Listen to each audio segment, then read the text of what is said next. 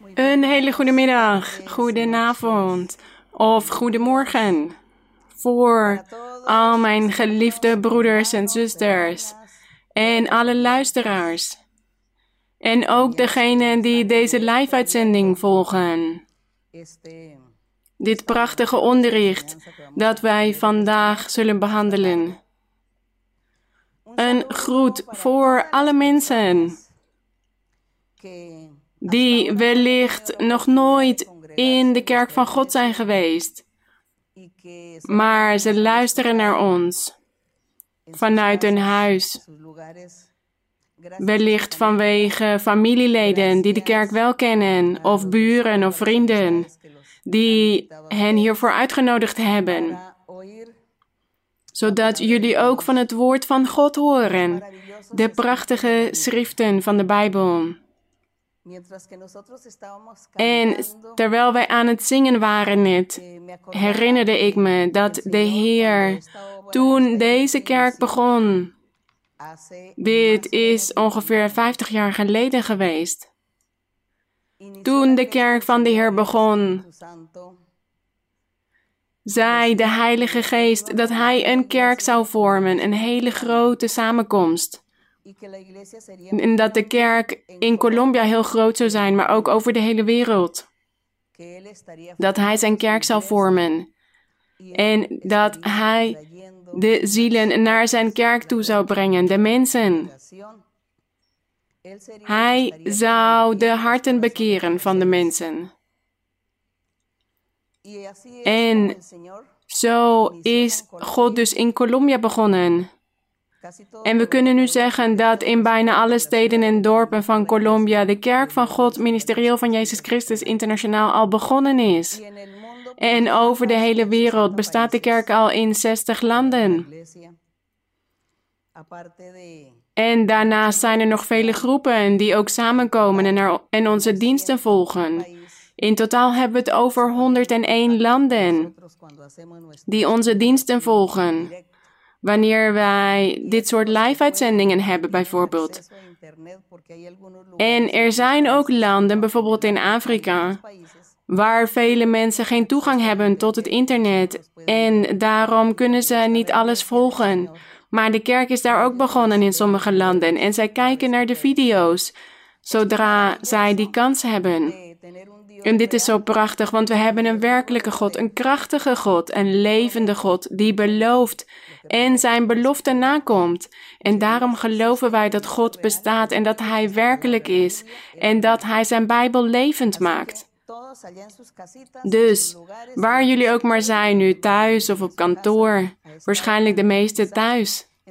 Waar jullie ook maar zijn, neem plaats en laten wij beginnen met deze lofuiting tot God.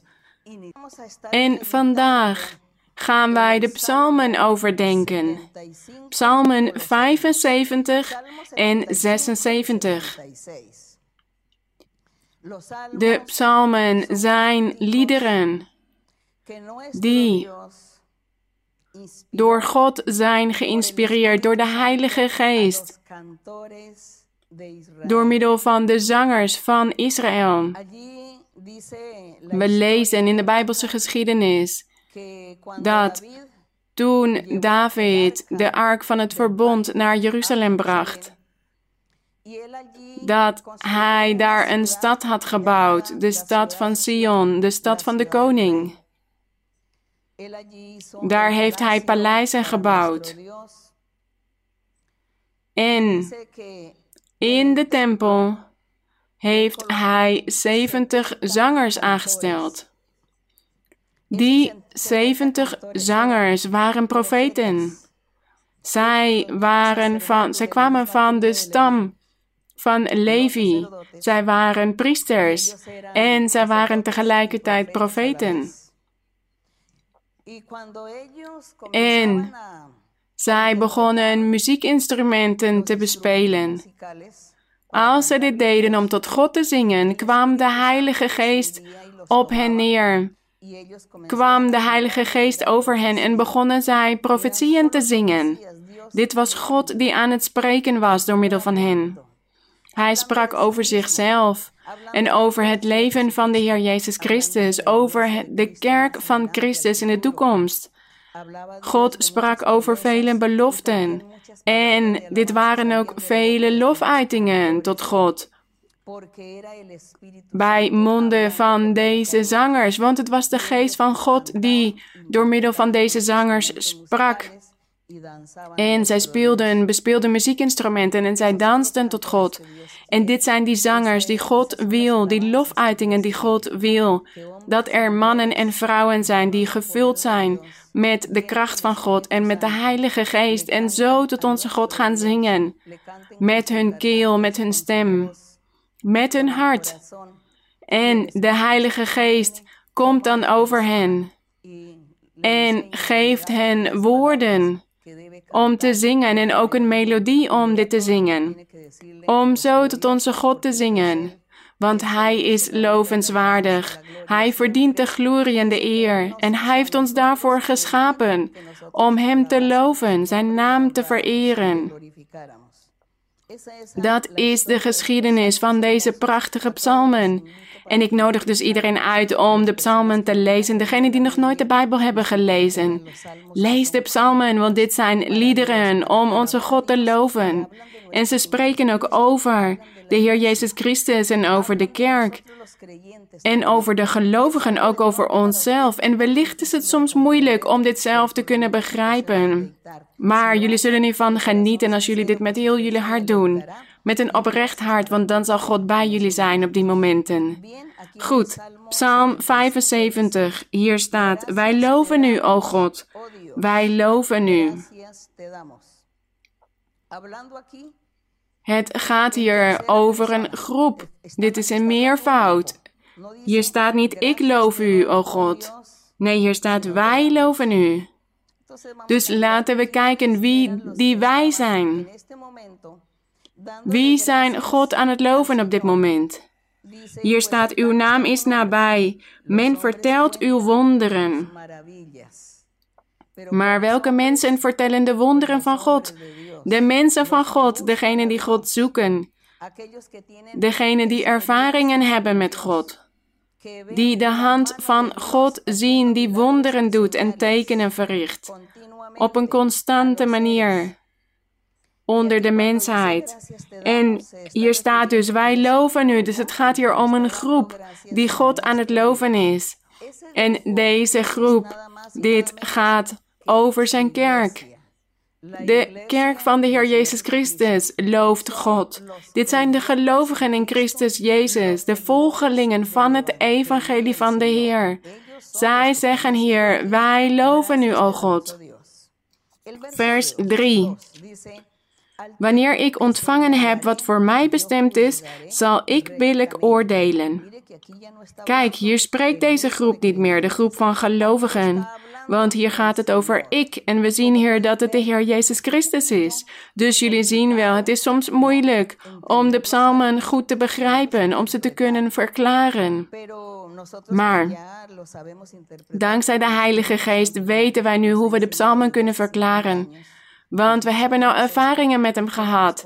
Voor 50 jaar lang en daarom willen wij dit met jullie delen. Zodat jullie dit ook kunnen begrijpen. Deze prachtige woorden. Deze prachtige schriften. Zodat jullie hier ook van kunnen genieten. Dus hier gaat het over God, over de Heer Jezus Christus, dat Hij zal oordelen. Vers 4. Het land en al zijn bewoners smolten weg. Maar ik heb zijn pilaren vastgezet. Dus de Heer zegt dat het land een bol is. Ja, we lezen dit in de Bijbel, dat de aarde rond is, maar dat het ook pilaren heeft, staat hier. Deze pilaren, zodat de aarde vaststaat. Hier staat het land en al zijn bewoners smolten weg, maar omdat de Heer het had vastgezet met pilaren, kon het niet vernietigd worden of van zijn plaats veranderd worden in het heelal. Dus God is het die alles heeft vastgezet. Want er zijn soms mensen, wetenschappers, of ja, de wetenschap, die zeggen: door middel van de communicatiemiddelen die spreken over de planeten en over de sterren en de zon en de maan. En dat er mensen zijn die in een raket daar naartoe gaan, de ruimte in. En dat ze daar gaan ontdekken. En goed, we hebben ook de communicatiemiddelen vandaag de dag vanwege al die ontdekkingen van de mens. Maar de mensen denken dat alles daar maar in de lucht hangt. En dat er van alles zou kunnen gebeuren. Maar hier in de Bijbel lezen we dat God alles heeft vastgezet. Met zijn kracht. Want als hij dit niet had gedaan, dan zou alles bewegen en dan zal het een chaos zijn, dan zal het een dwaasheid zijn. Het heelal, dan zou alles bewegen. Maar God heeft alles vastgezet en alles zal op zijn eigen plaats blijven staan. Dat staat hier, dat hij het met pilaren heeft vastgezet. Vers 5. Ik heb gezegd, zegt de Heere, tegen de dwazen, doe niet zo dwaas, en tegen de goddelozen, hef uw hoorn niet op. Hij zegt hier tegen de dwazen. Dit is dezelfde als de goddelozen. Doe niet zo dwaas en wees niet trots. Wees niet trots, hef uw hoorn niet op. Wees niet verwaand of denk niet dat je alles weet of dat je alles kan en dat je niks nodig hebt. Want hier staat: hef uw hoorn niet naar omhoog. Spreek niet met hooghartig uitgestoken hals. Dus de Heer zegt hier dat de mens nederig moet zijn, eenvoudig, en dat mensen moeten erkennen. Vooral die mensen, die intelligente mensen, die wellicht veel dingen in de natuur hebben kunnen veranderen. Die wetenschappers of de wetenschap zelf, dat ze God bedanken. Want God heeft hen die intelligentie gegeven, die capaciteiten, die kennis, zodat ze de dingen kunnen begrijpen en de dingen die God heeft gegeven kunnen veranderen. Maar hij zegt hier, doe dit zonder trots. Dus Wees niet trots of denk niet dat je zelf heel veel kracht hebt, maar wees nederig en erken dat het God is die dit allemaal heeft gegeven. Ook die intelligentie en inzicht en wijsheid en kracht. En dit kunnen ontdekken, bepaalde dingen kunnen ontdekken. Dit geeft God aan de mensen. Dus het is heel mooi, ja, het werk van de wetenschap en van de wetenschappers, maar Wandel met God. Want God die heerst over alles en God die bepaalt alles en Hij zal er dan voor zorgen dat alles tot een goed einde verloopt. En zodat we kunnen genieten van alles wat we zien, alles wat we hier zien onder de zon. Vers 8. Maar God is rechter. Hij vernedert de een en verhoogt de ander. Hier staat dat God een rechter is en dat hij sommigen vernedert en anderen verhoogt. Maar hij doet dit niet omdat hij een slechte, kwade God zou zijn of een, of een onrechtvaardige God. Nee, hij zegt hier, hij vernedert de een. Maar dit betekent dat die persoon dit zelf gezocht heeft. Dat hij zich slecht heeft gedragen. En dat hij opstandig, koppig, ongelovig is geworden, heidens. Een persoon die het slechte doet, die zijn naasten slecht, die zijn naasten kwaad doet en allemaal zonden begaat. En hij laat zijn familieleden en vrienden lijden. Of welk mens dan ook laat hij lijden. En omdat hij allemaal slechte dingen doet en dit niet wil erkennen, of tot keer wil komen om goede dingen te gaan doen. Daarom zegt God dat hij hem zal vernederen. Dan zal de toorn van God over die persoon komen om die persoon te vernederen, want de Heer straft dit gedrag. Hij straft degenen die zich niet onderschikken aan de wil van God, maar hier staat ook dat hij anderen verhoogt. Ja, degenen die gehoorzaam zijn, die nederig zijn, die houden van God, die geloven in God en bidden tot God en Hem zoeken en elke dag aan Hem denken. Die verhoogt Hij. Vers 9, want in de hand van de Heere is een beker. Daarin schuimt de wijn, overvloedige kruid. Ja, wanneer de wijn begint te schuimen, dan gaat de beker overstromen. En zo is het ook met de toorn van God of met zijn geduld. God heeft heel veel geduld. Hij is zo geduldig met de mens. Maar er komt een moment waarop hij zegt dat de beker vol is en dat hij overstroomt, dat de wijn begint te schuimen en dat hij niet meer verdraagt.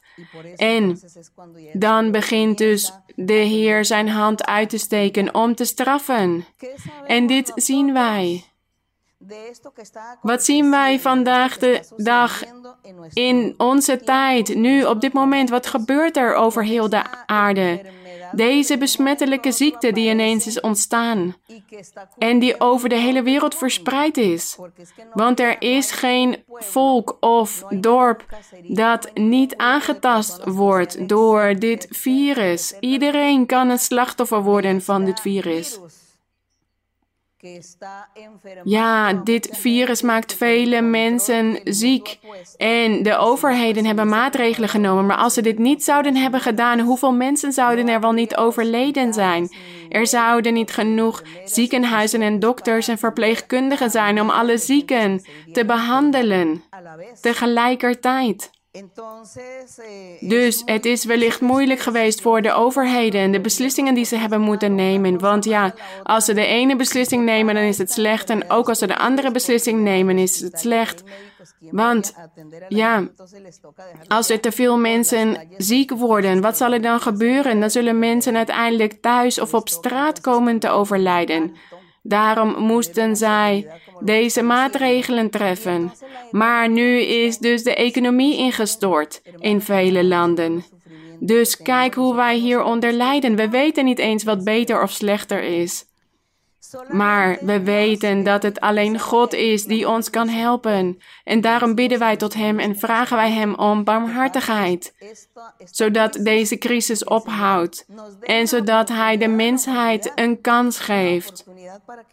Een kans geeft om tot inkeer te komen. Om aan God te gaan denken. Om op God te vertrouwen en te geloven in dit bovennatuurlijke wezen. Een opperwezen dat gerespecteerd hoort te worden en gewaardeerd.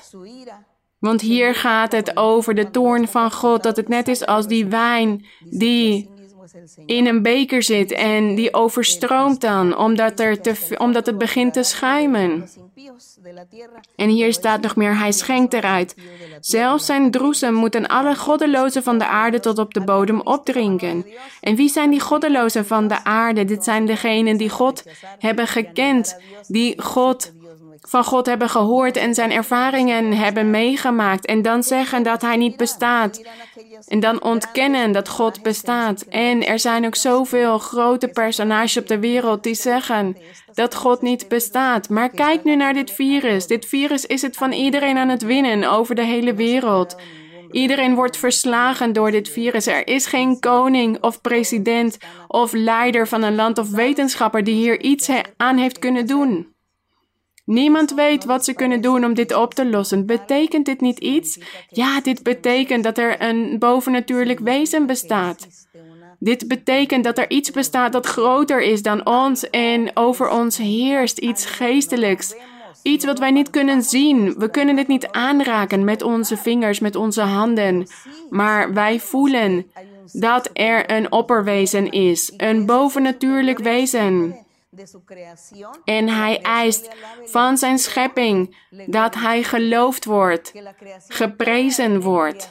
En dat in ieder geval de mensheid hem accepteert, hem aanneemt en zegt dat hij bestaat.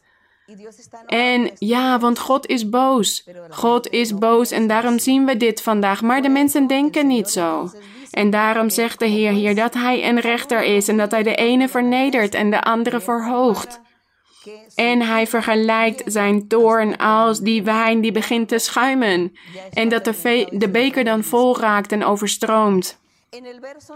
Vers 10.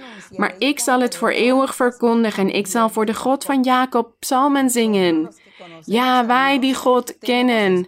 Wij hebben ervaringen meegemaakt met onze God. En we weten dat Hij bestaat, want Hij heeft zich zo vaak gemanifesteerd in ons leven. Miljoenen keren. Dus wij kunnen hier niet meer aan twijfelen dat God bestaat. En hier staat dus: Ik zal het voor eeuwig verkondigen. Ik zal voor de God van Jacob psalmen zingen. Dat is onze plicht. Voor ons die God kennen. En wij willen ook dat iedereen God leert kennen. En dat iedereen deze prachtige ervaringen kan meemaken.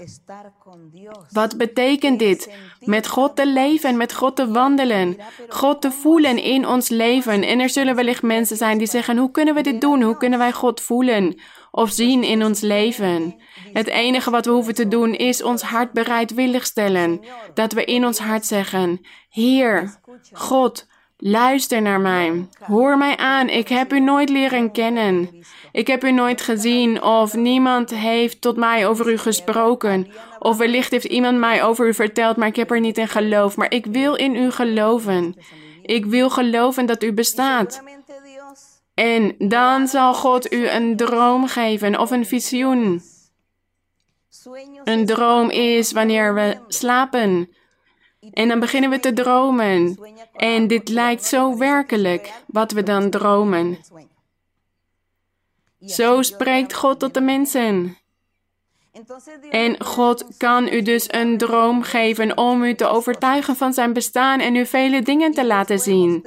God kan zich openbaren aan uw leven en u wordt dan de volgende dag wakker en bent van mening veranderd. En u zegt, ja, ik geloof in God, God bestaat. Want hij heeft mij een droom gegeven en hij heeft mijzelf overtuigd van zijn bestaan. En God spreekt ook door middel van visioenen. Wat is een visioen? Een visioen is dat we iets zien, net als wanneer we een film zien. Wij zien dan die film, maar het is niet iets werkelijks, het gebeurt niet echt. We hebben het gezien. En wij zijn dan in geestvervoering geraakt. En we hebben iets gezien wat God ons heeft laten zien, maar dit is niet echt geweest. En hij laat ons ook in zijn visioenen, laat hij zijn kracht zien. Hij kan ons ervaringen geven door middel van visioenen. En als u dit aan God vraagt met een oprecht hart, dan zal God dit in uw leven doen. Zodat u gelooft in die krachtige God. Zodat u gelooft dat God bestaat en dat u tot God begint te bidden. En God zal u aanhoren. En hier staat in vers 11. Hier spreekt God, hij zegt, ik zal alle horens van de goddelozen afhakken. De horens van de rechtvaardige, of de kracht van de rechtvaardige, de horens van de rechtvaardige worden omhoog geheven. Dus God, die geeft voorspoed aan de rechtvaardige, degene die zijn wil doet, degene die niet zondigt. Degene die van God houdt en tot hem zingt en tot hem bidt en hem prijst en eert. Maar hij zegt hier dat de goddelozen die God niet willen accepteren, dat de Heer hun horens zal afhakken of hun heerschappij zal vernietigen. Want niemand zal kunnen zeggen: Ik ga me verstoppen voor God. Ik ga me verstoppen voor het aangezicht van de Heer, maar dit kan niet. Niemand kan zich verstoppen voor God. God ziet ons waar we ook maar zijn. En als we bijvoorbeeld kwade dingen doen, als wij onze naasten kwaad doen, God kijkt naar ons. God ziet onze daden. En er zijn vele mensen die zeggen: Ja, God is overal. Dat zeggen de mensen die in God geloven. Of ja, ze geloven in God met hun mond of met de lippen. En ze zeggen: God is overal. En dat is waar. God is overal. Hij kijkt naar de goeden en de slechten. Hij kijkt naar degenen die het goede doen en die het kwade doen. En degenen die de zonde begaan, die zullen gestraft worden door onze God. Maar hij kijkt ook naar de rechtvaardigen, naar de zachtmoedigen, de barmhartigen. Maar God zal zich niet in iedereen openbaren. Hij zal zich niet aan iedereen openbaren. Alleen aan degenen die het goede doen, degenen die van zijn woord houden. Degenen die houden van goede waarden en deugden, die het goede doen, die houden van gerechtigheid en eerbaarheid. En degenen die hun plichten nakomen en verantwoordelijk zijn en georganiseerd zijn. God houdt van hen en openbaart zich aan hen. Dus hij zegt dan, ja, deze persoon houdt van mij, dus ik ga hem gezondheid geven. Of materiële zegeningen, ik ga hem een baan geven of een woning. Of ik ga hem behoeden van het gevaar. Ik zal zijn leven bewaren, zijn leven beschermen. Of ik zal hem beschermen tegen de jaloezie van die mensen om hem heen. Dat is wat God doet met de rechtvaardigen, met degenen die de waarheid van God beoefenen. Maar degenen die het kwaad doen, die zullen gestraft worden door God. Dus de mensen hebben gelijk wanneer ze zeggen dat God overal is. Ja, maar soms zeggen ze dit als wij hen uitnodigen voor de kerk. En we zeggen dan, kom naar de kerk waar God zich werkelijk manifesteert. En dan zeggen ze, nee, ik, ga, ik blijf wel hier in mijn eigen gemeente of in deze godsdienst. Want God is toch overal. Maar dat is een leugen. Op die manier is het niet juist, want God openbaart zich niet overal. Hij ziet iedereen, ja, maar hij openbaart zich niet aan iedereen. Dus als je op de verkeerde plek bent, in de verkeerde godsdienst, dan zal God je gebeden niet aanhoren. Dan zal Hij je smeekbeden niet aannemen. Hij zal niet barmhartig met je zijn als jij een moeilijk moment meemaakt of dat er een ongeluk komt. En dat je dan tot God begint te bidden, dan zal God je niet aanhoren. Hij ziet je wel en hij hoort je. Maar hij zal niet handelen. Hij zal niet handelen en je zegenen, omdat je wellicht koppig, opstandig bent geweest en niet naar de plek hebt willen komen waar God zich werkelijk manifesteert. We moeten naar de kerk van God gaan, de samenkomst van God, waar Hij zich werkelijk manifesteert. En wij beleven nu deze ervaringen met de Heer sinds 50 jaar. En God zei aan het begin dat Hij over de hele wereld zijn kerk zou vormen. En zo hebben wij dit vervuld zien worden, want in 60 landen is de kerk dus al begonnen. En in 101 landen zijn er mensen die naar het woord van God luisteren, het ware woord van God. Dus God nodigt jou ook uit als je aan het luisteren bent. En als je wellicht nog niet in onze kerk bent samengekomen. God geeft je deze prachtige kans. Zodra deze slechte dagen, deze kwade dagen voorbij zijn, kom dan naar de kerk om God te bedanken en ook zegeningen van God te ontvangen, het geestelijke, geestelijke gaven en zoveel dingen die God heeft voor degenen die Hem werkelijk volgen en werkelijk van Hem houden. Psalm 76. God is bekend in Juda. Zijn naam is groot in Israël. God had het volk van Israël uitgekozen in de oudheid om zich te manifesteren. En de stam van Juda. Daar heeft God zijn tempel gebouwd door middel van Salomo. En daar manifesteerde God zich. Maar het volk wilde God niet gehoorzamen en daarom heeft hij dat verbond veranderd en hij heeft een verbond gesloten met de Heer Jezus Christus. En hij was naar de aarde gekomen om zijn kerk te gaan vormen. En deze Israël, die we hier zien staan, dat God bekend is in Juda en zijn naam groot is in Israël, dit is metaforisch, dit is symbolisch. Het gaat nu over een geestelijk Israël, een geestelijk Juda. Het gaat niet over het fysieke Israël dat we vandaag de dag kennen, of het fysieke Juda. Nee, het gaat over het geestelijke Juda en het geestelijke Israël. Dit is de kerk van de Heer dat gevormd wordt uit vele mannen en vrouwen uit alle landen die zich tot God bekeren en zijn wil gaan doen. Dat is de kerk van de Heer Jezus Christus, degene die zijn wil doen. En zij ontvangen die titel of die naam, het geestelijk Israël, of het geestelijk Juda, of het geestelijk Jeruzalem. Vers 3 in, in Salem is zijn hut en zijn woning in Sion. Salem en Sion, dit is hetzelfde. Daar is de hut of de woning van God. En wat is dat? Het hart van elke man of vrouw die God zoekt. Dat is die hut van onze God of die woning van onze God. Daar manifesteert de geest van God zich, want de, want de geest van God manifesteert zich in het hart van de mensen, van de mannen en vrouwen die zich van de zonde hebben afgezonderd die de zonden hebben afgelegd in hun leven. Degene die de, op een oprechte manier de weg van God volgen, dat is die kerk van God. Dat is de kerk van de Heer of zijn hut, zijn woning. Vers 4, daar brak hij de vurige pijlen van de boog, het schild, het zwaard en de strijd. Ja, in, het, in de oude tijd, in de tijd van het oude volk van Israël, waren er vele legers en moesten ze fysieke oorlogen voeren. En degene die de meeste overwinningen had, die was de sterkste, die had het meeste aanzien. En toen waren het fysieke schilden en zwaarden en strijden en pijlen.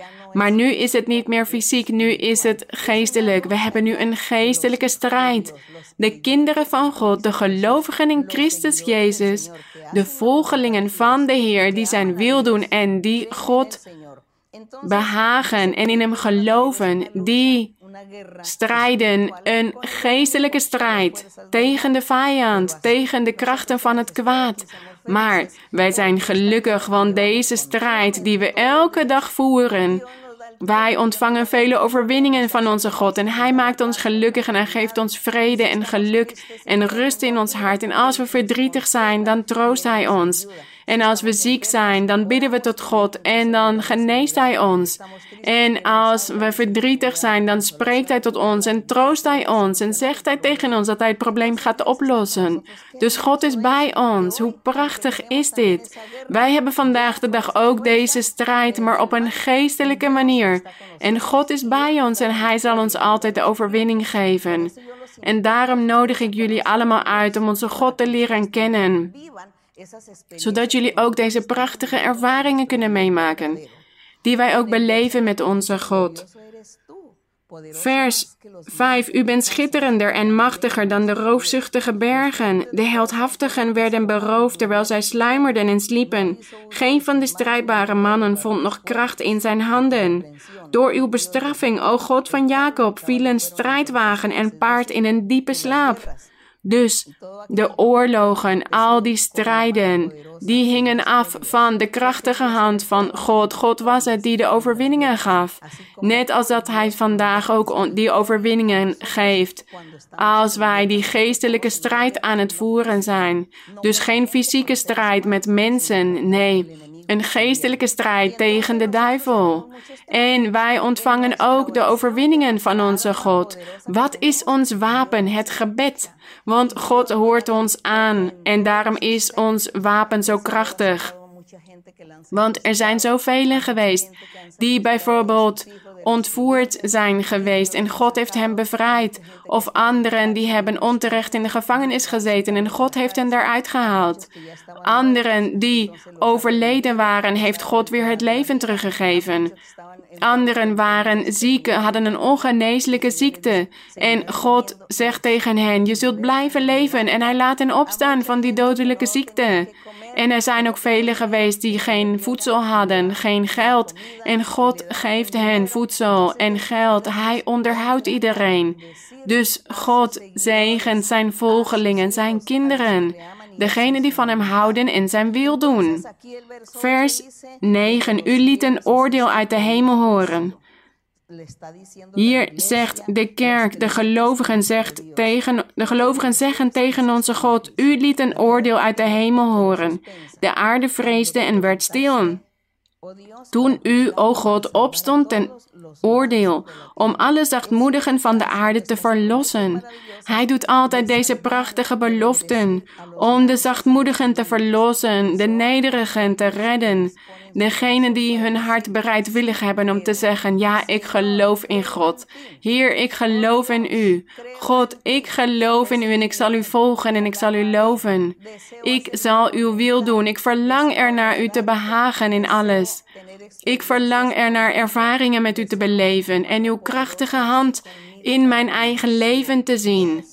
Dat is die uitnodiging die ik u vandaag allemaal doe. Degene die nog geen ervaringen hebben meegemaakt met onze Heer.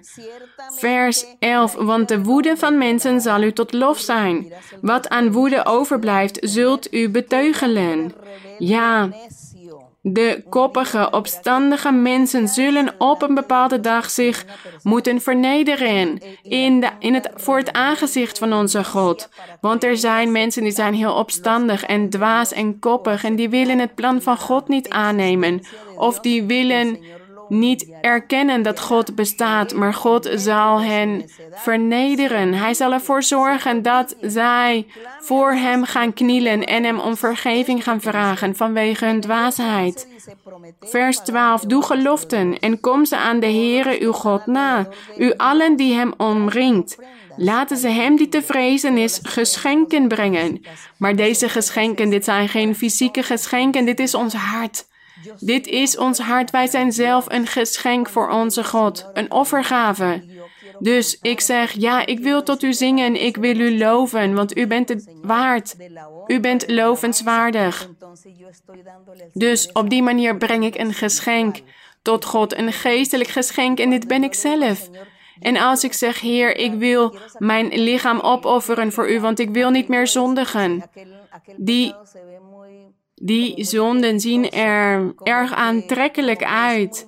Ja, ik zie dat mensen hiervan genieten als ze dit doen. En dat ze daarom dit doen.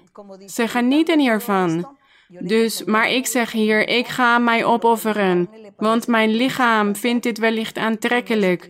Maar ik wil dit niet doen, want ik wil u behagen, mijn Heer. Ik wil een geschenk voor u zijn, een offergave.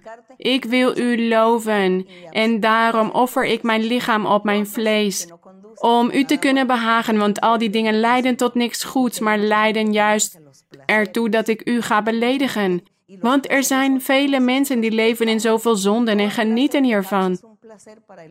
Elke zonde is een genot voor degenen die materialistisch zijn. Die voelen hier zich tevreden door, verzadigd. Als ze bijvoorbeeld dronken worden en thuiskomen en die persoon begint dan agressief te worden met zijn vrouw en kinderen. En dit is een genot voor, dat voor die persoon. Maar degene die God kent en God een geschenk wil brengen, een offergave wil geven, die zegt: Heer, ik ga me hiervan onthouden. En als ik boos, als ik voel dat ik boos word, dan blijf ik stil.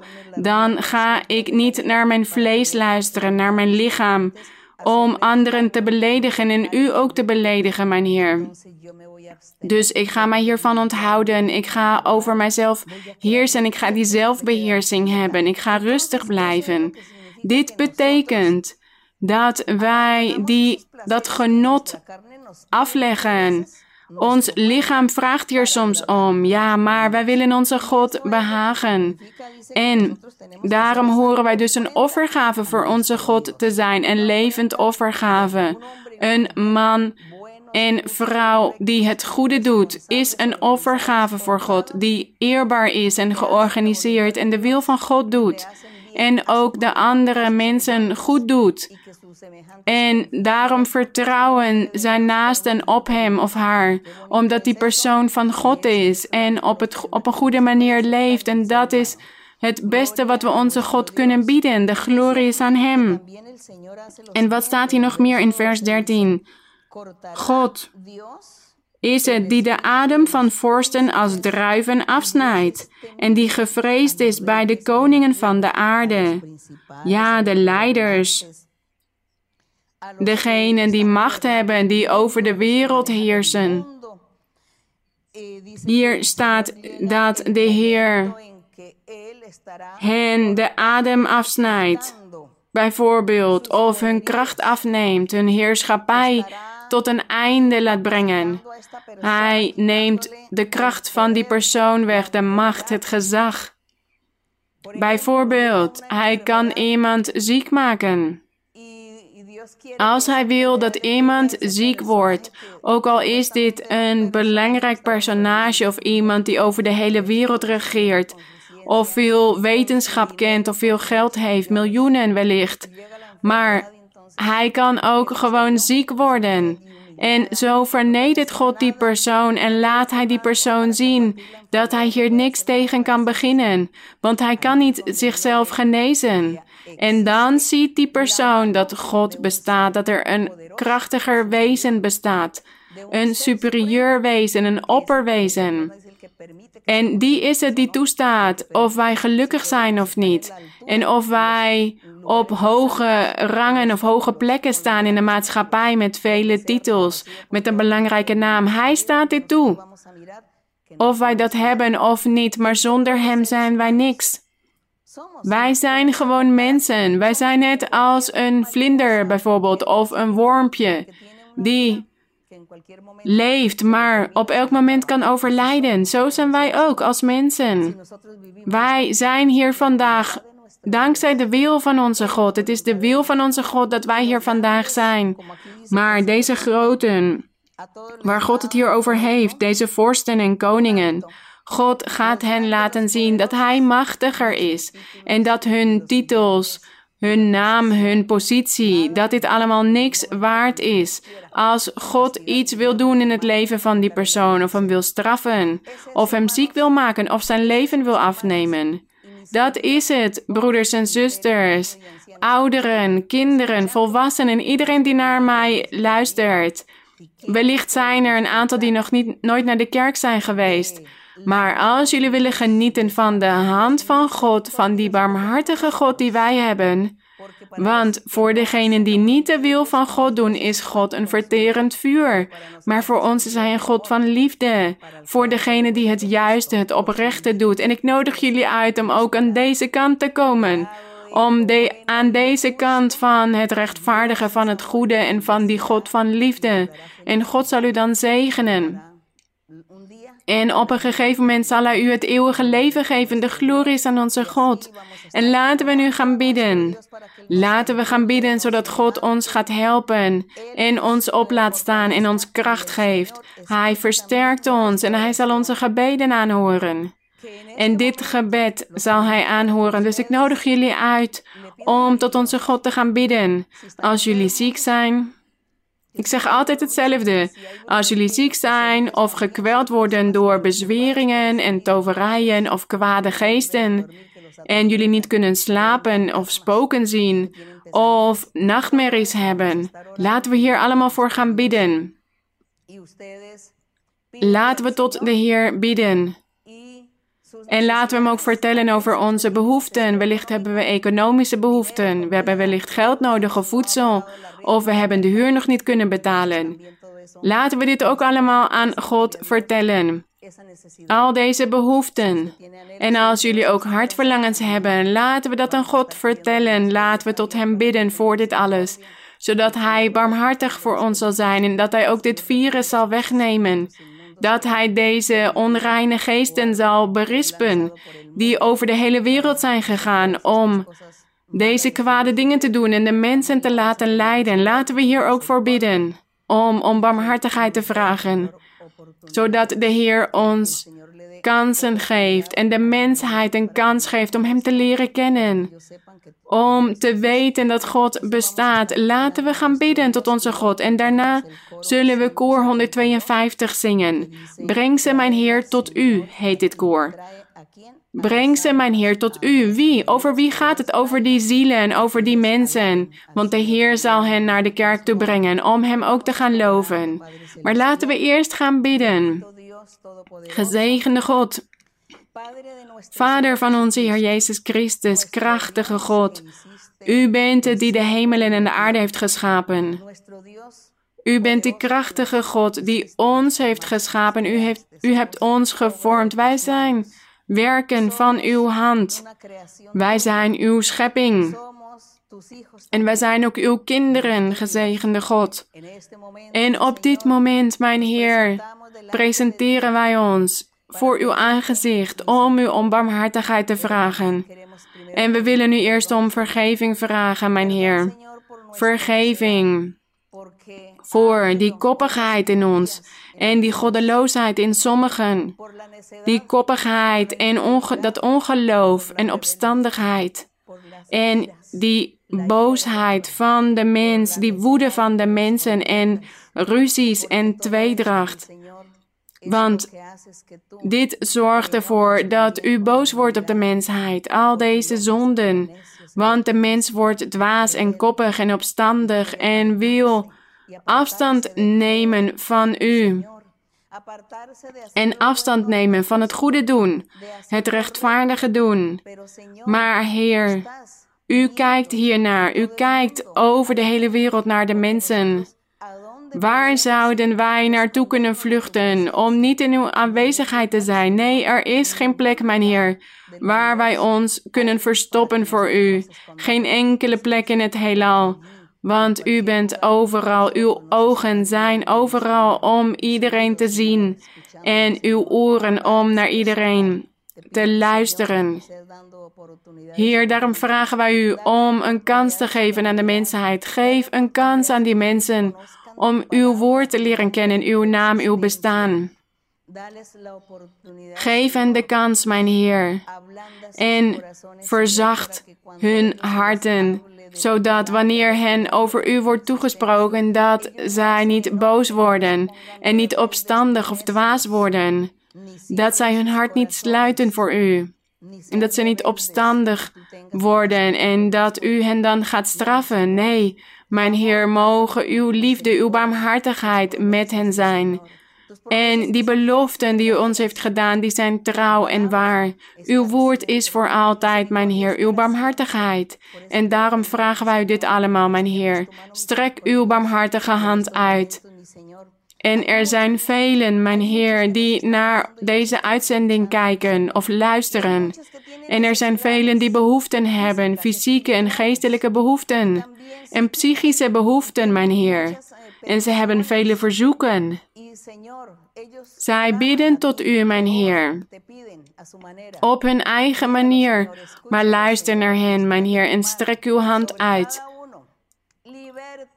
Bevrijd en genees en berisp onreine geesten, hekserijen, toverijen, bezweringen en vervloekingen van de duivel. Vernietig het werk van de vijand in al die mensen, in ouderen, volwassenen, kinderen.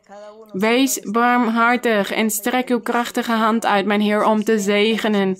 Onderhoud iedereen, verzadig iedereen van het beste, van het goede. Geef iedereen het nodige, mijn Heer, in het materiële. Voorzie hen van alles, mijn Heer, wat ze nodig hebben. Dank u, mijn Vader, in de luisterrijke naam van uw geliefde Zoon. Neem elke ziekte weg, die ongeneeslijke ziekten.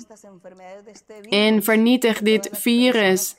Al die mensen die nu ziek zijn in het ziekenhuis of thuis, strek uw hand naar hen uit en reinig en genees. En neem onreine geesten uit hen weg. En genees uw kinderen, mijn Heer, degenen die ziek zijn geworden. Luister naar hun gebeden, want u heeft al vele genezingen verricht, vele wonderen verricht voor uw kinderen, mijn Heer. En daarom danken wij u. En wij twijfelen niet aan uw bestaan. Wij kunnen niet aan u twijfelen, mijn Heer, want u laat zich elke dag weer aan ons zien. En daar danken wij u voor, Heilige Vader. Grote God, help ons om u te dienen, om u te volgen, om uw wil te doen. Zegen iedereen, mijn Heer, en geef het geestelijke. Geef blijdschap en vrede en vreugde, mijn Heer, aan het hart. We danken u, mijn Heer, in de luisterrijke naam van de Heer Jezus Christus.